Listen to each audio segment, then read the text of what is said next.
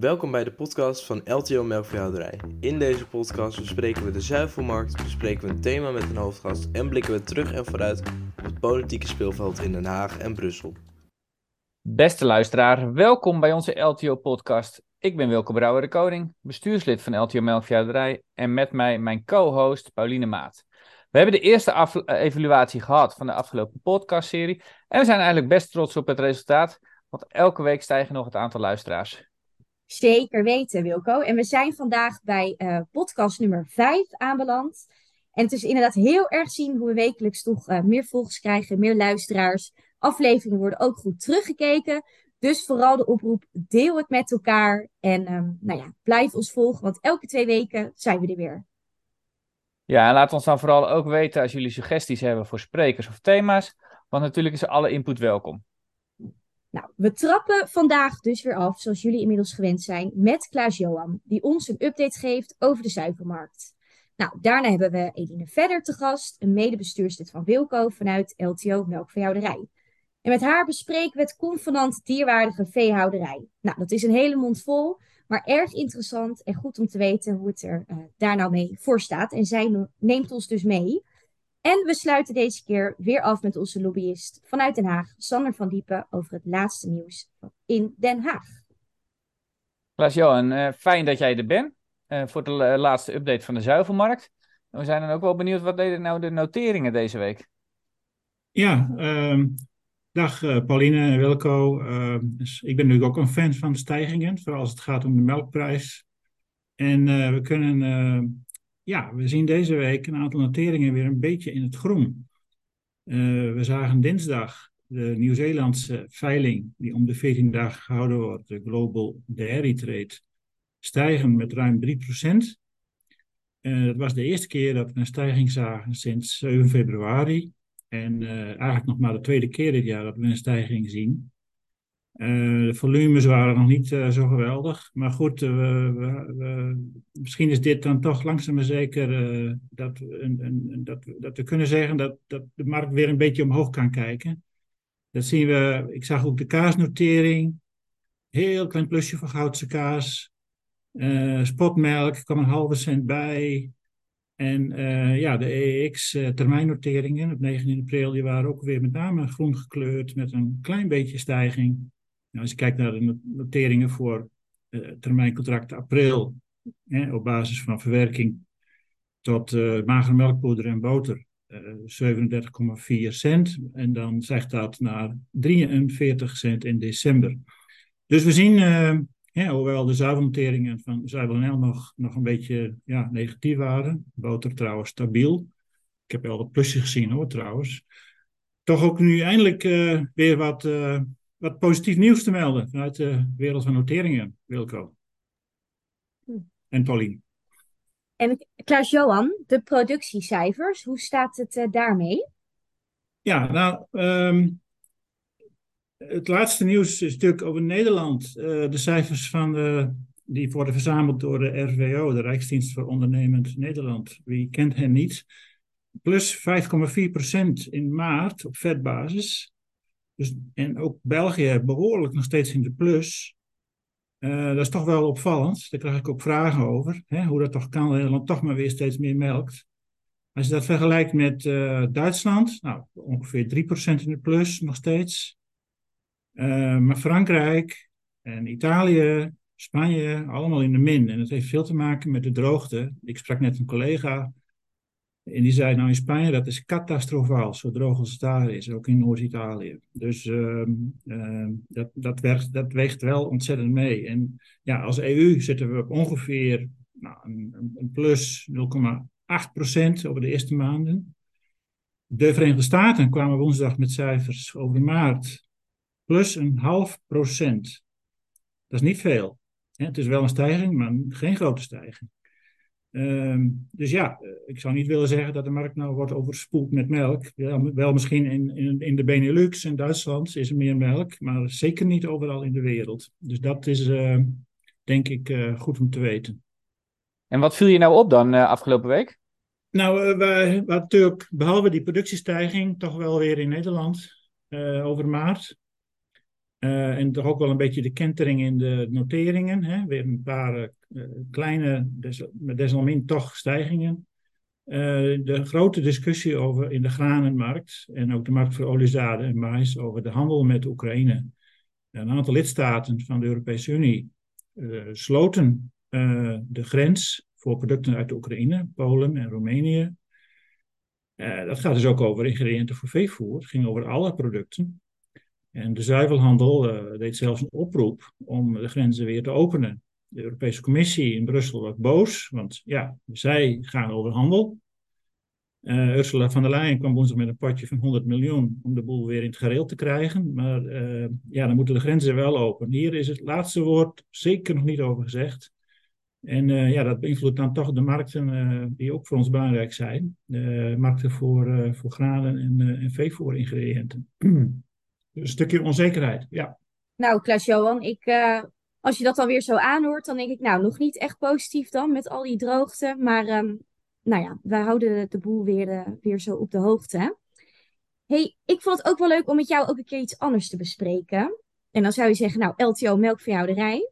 Maar er zijn natuurlijk op dit moment ook heel veel melkalternatieven op de markt. Nou, en je ziet in de samenleving dat we wel eens zeggen van, oh, nou dat wordt dan heel erg veel geconsumeerd. Nou, we zien nu tegenwoordig ook geluiden dat um, nou, hè, de haverkapus op zich niet zo gezond meer zijn als dat we dachten dat ze waren.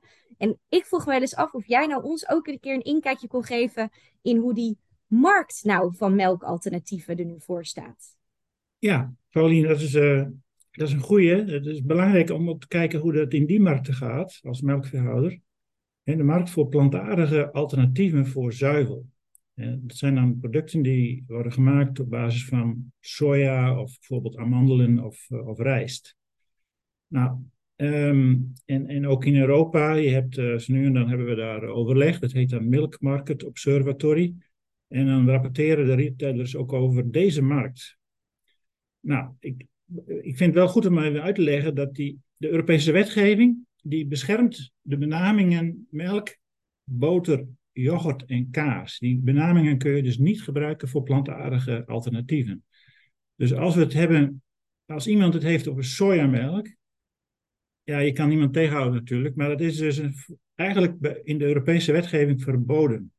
En dus dat, dat is goed om te weten. maar goed, ik ga maar eens in een retailer, bij een retailer kijken. Uh, je ziet toch vaak dat die plantaardige producten meestal vlak bij de echte zuivel staan. Dus er is natuurlijk wel degelijk sprake van concurrentie in dat schap.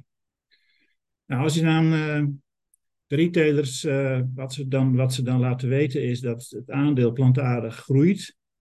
En men heeft het over toch op jaarbasis omzetgroei van zo'n 20% in een aantal landen. Maar in, in zijn totaliteit, hè, vergeleken met de zuivelomzet, dan hebben we het nog vaak over 5% of minder van, van die zuivelomzet.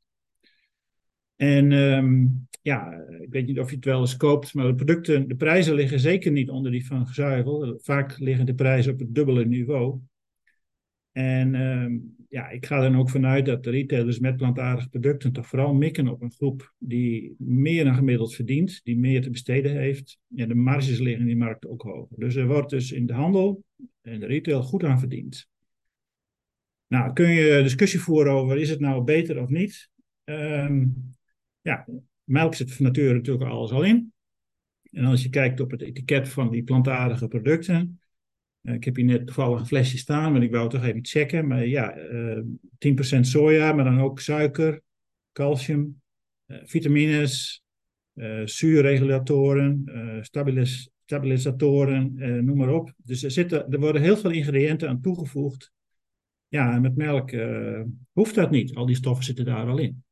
Dus ehm, ja, we hebben het niet over hetzelfde product, laat heel duidelijk zijn. Dus die Europese wetgeving, die is er ook, denk ik, volkomen terecht. En die, ja, als het dan te sprake komt, dan, dan, dan, dan verdedigen we dat ook, dat dat een plek blijft houden in de Europese wetgeving. De verdediging van die benamingen: melk, boter, yoghurt en kaas. Nou, dankjewel uh, Klaas-Johan, uh, ook voor je update van deze week. En ook eens even dat inkijkje, dat stap, stapje opzij naar die melkalternatieven. Blijft natuurlijk toch uh, goed om in de gaten te houden wat dat gebeurt. En ook als LTO-organisatie daar bovenop te zitten. dus dankjewel daarvoor.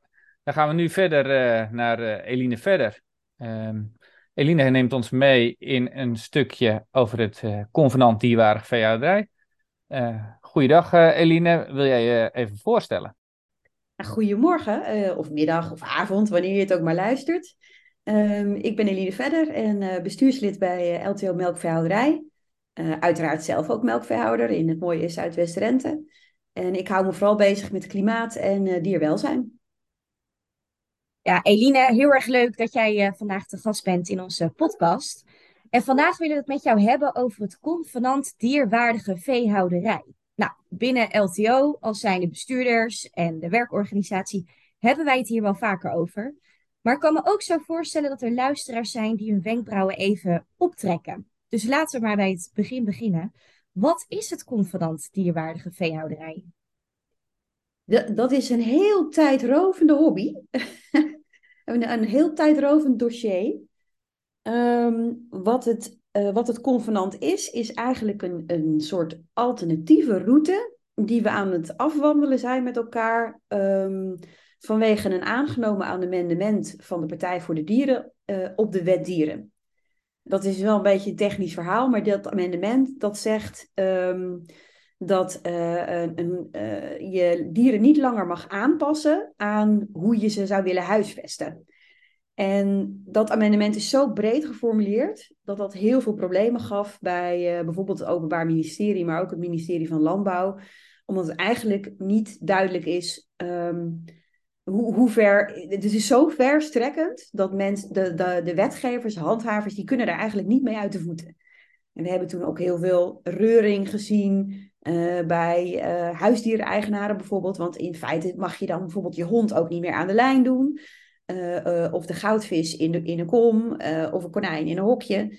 En um, de, het convenant is eigenlijk een poging van landbouw samen met dierenorganisaties en het ministerie. Om een betere tekst met elkaar te verzinnen dan het amendement wat er nu ligt. Eline, en waarom willen we dan een betere tekst? Waarom zeggen we eigenlijk dan niet van, uh, weet je, jullie hebben wat, uh, wat bedacht, uh, los het zelf maar op? Dat was wel mijn eerste reactie, want het is, eigenlijk is het in de, in de kern bizar dat de Tweede Kamer en de Eerste Kamer dit amendement zo hebben goedgekeurd. Dat is trouwens gebeurd toen er geen ehm, zittend kabinet was, dus misschien komt het daar ook een beetje door. dat kabinet was toen nog bezig met formeren. Um, en deze is dus een soort van uh, tussendoor gefietst of zo, met heel verstrekkende gevolgen. En waarom we dit niet zouden moeten willen laten staan, is dat eigenlijk dus niemand een goede inschatting kan geven van hoe ver, hoe ver strekt dit nou. En daar komen we dan pas achter op het moment dat het voor de rechter komt. Um, dus je kunt er eigenlijk van, zeker van uitgaan dat er straks allerlei organisaties rechtszaken gaan beginnen om te toetsen van wat betekent dit amendement nou precies? En betekent dat bijvoorbeeld ook dat, we, dat elke koe verplicht uh, naar buiten moet um, en dat uh, elk kalfje verplicht bij de koe moet blijven? Dat, dat, weten we dan pas als de rechter daar een uitspraak over doet. Nou, die onzekerheid, uh, dat zouden we niet over de sector willen uitstorten. Nee, Nee, want het gaat er natuurlijk om, dat hele amendement, dat een dier in zijn natuurlijke gedrag natuurlijk dan moet kunnen bewegen.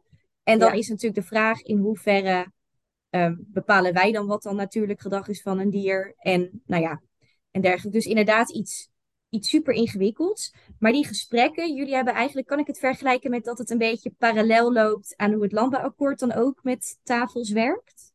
Um, ja, klopt. Uh, dat is zowel qua werkwijze als qua tijdlijn lopen die aardig uh, gelijk op. Um, ook hebben wij eh, hebben een hoofdtafel en deeltafels. De tafels zijn helemaal hip de laatste tijd.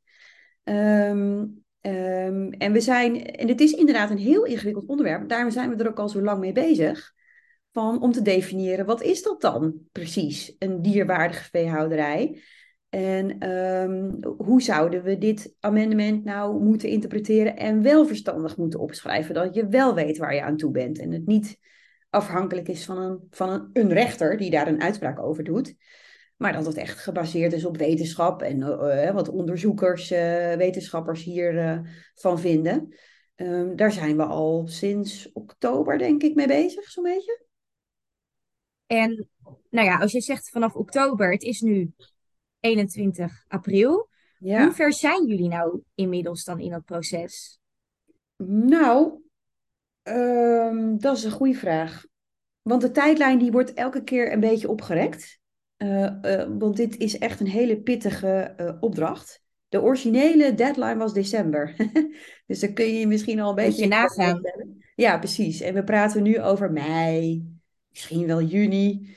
Ehm, wat we, het belangrijkste waar we, wat we tot nu toe hebben opgesteld, is dat, en daar heeft de minister ons ook specifiek naar gevraagd, van de minister zei, aan de ene kant heb ik van jullie sectoren een ambitieuze stap vooruit nodig op het gebied van dierwelzijn. En aan de andere kant moeten jullie opschrijven wat je daar als sector voor nodig hebt. Um, dus welke randvoorwaarden maken dat je in staat wordt gesteld om die ambitieuze stap ook te zetten. Nou, dat hebben we, daar hebben we lang en zorgvuldig over gedaan.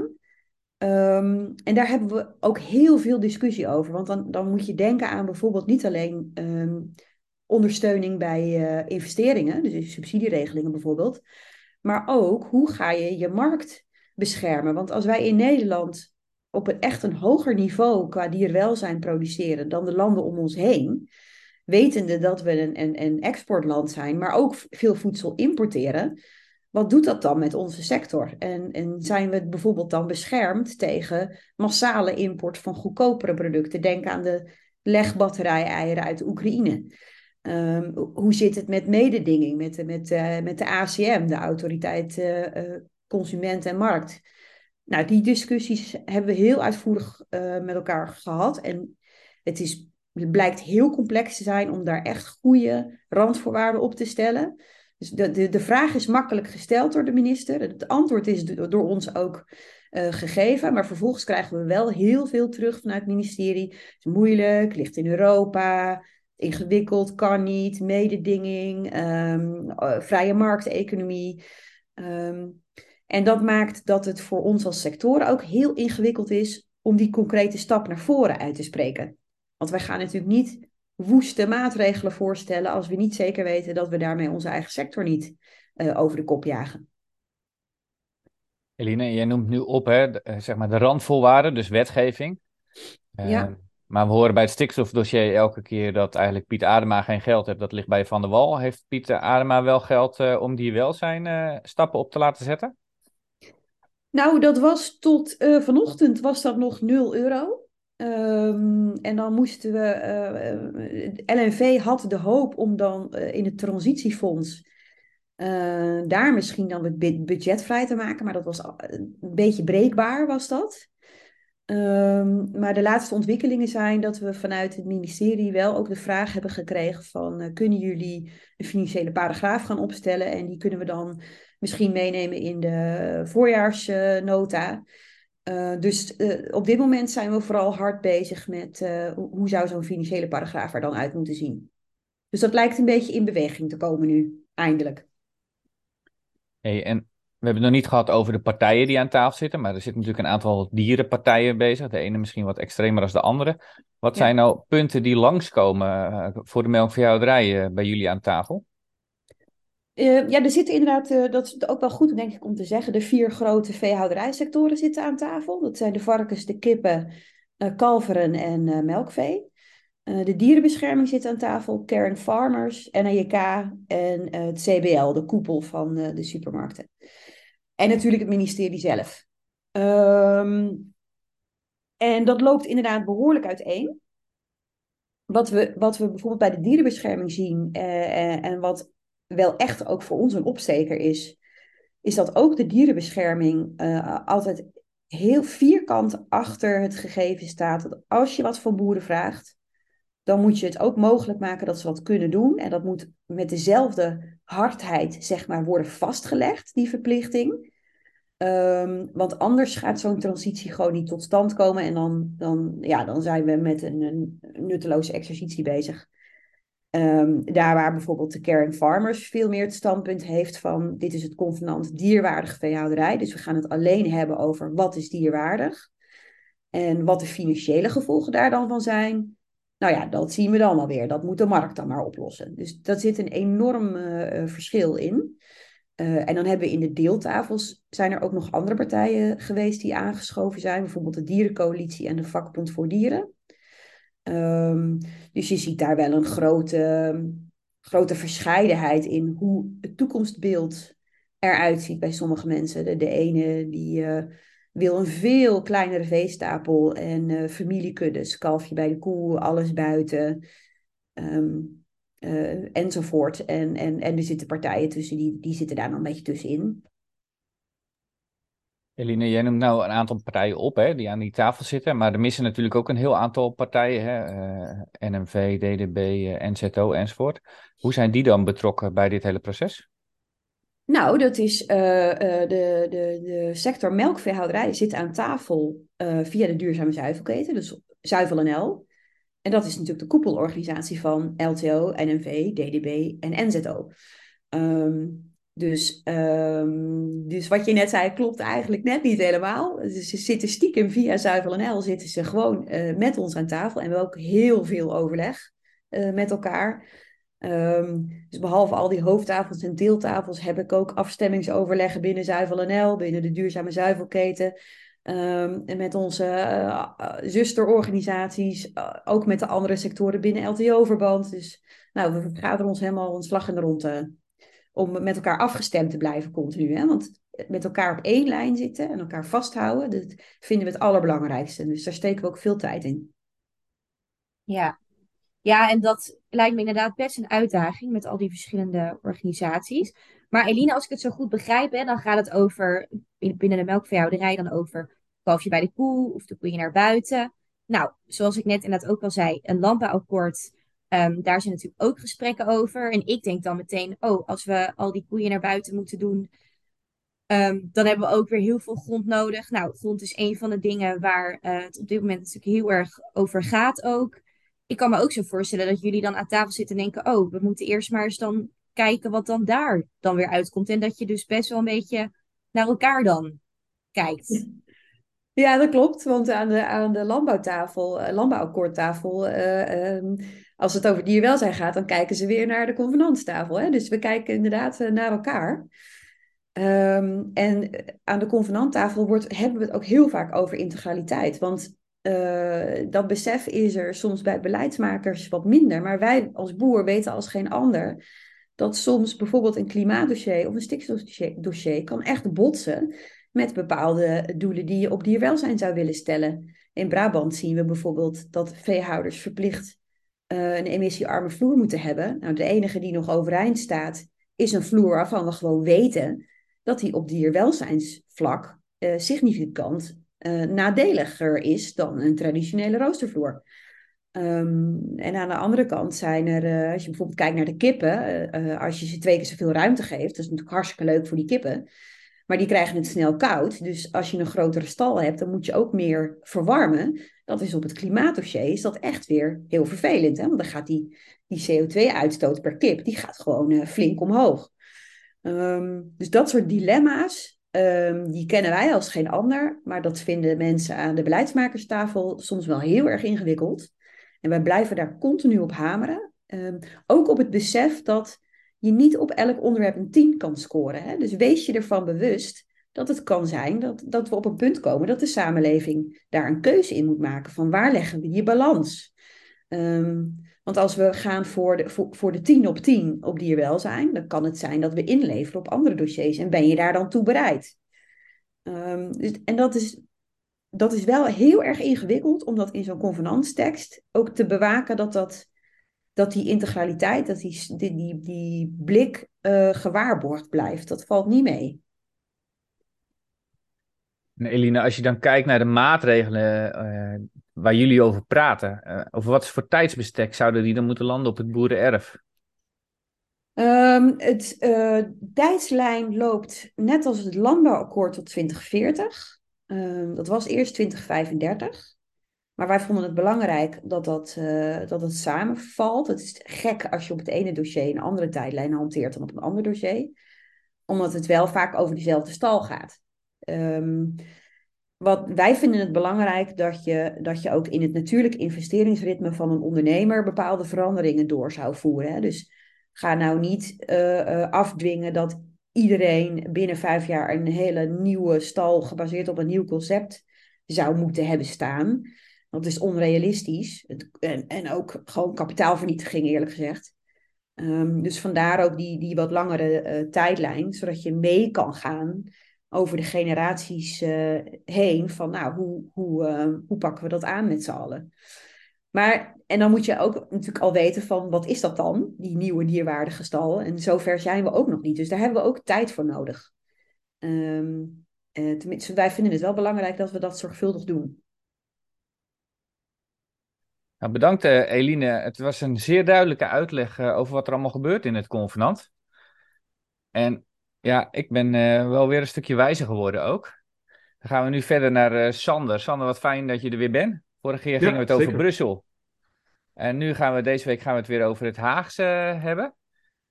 wat is er in die tussentijd allemaal gebeurd in Den Haag?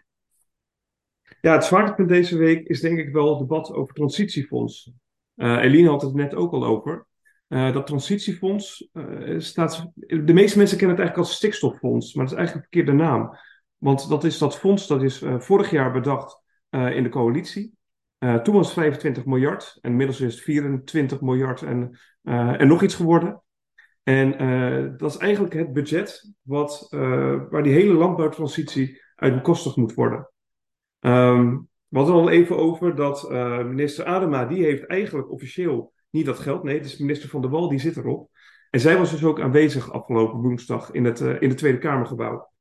En de hele woensdag hadden ze hiervoor uitgetrokken om te spreken over dit fonds. Hoe het besteed moet worden, hoe de wetsteksten daarbij uh, moeten, uh, moeten zijn. En uiteraard, het was eigenlijk weer vooral een debat geworden van wat vinden we van de stikstofaanpak van dit kabinet. En nou, je kon zo bijna uittekenen hoe het debat zou lopen.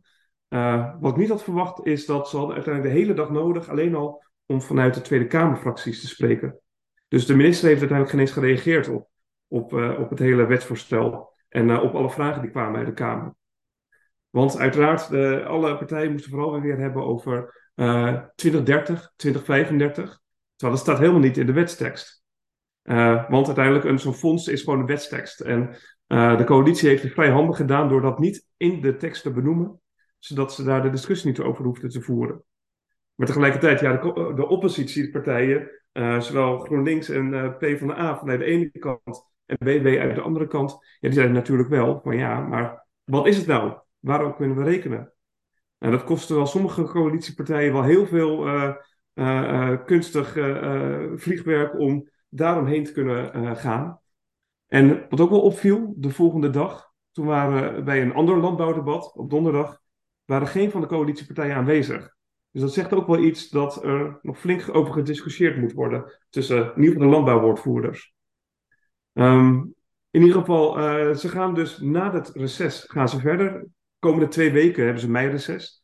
Uh, dus pas na die twee weken zullen ze verder gaan om verder te spreken over ja, dit transitiefonds. Uh, van hoe gaan we die hele landbouwtransitie financieren met 24,3 miljard euro. Ja, want Sander, uh, inderdaad, ze hadden woensdag debat en um, nou ja, ze kwamen inderdaad, zoals je al zei, niet echt verder. Um, maar heb je nou een beetje het gevoel al met de insprekers die er dan, hè, die dan woensdag al aan, aan bod zijn geweest, waar we dan een beetje heen gaan?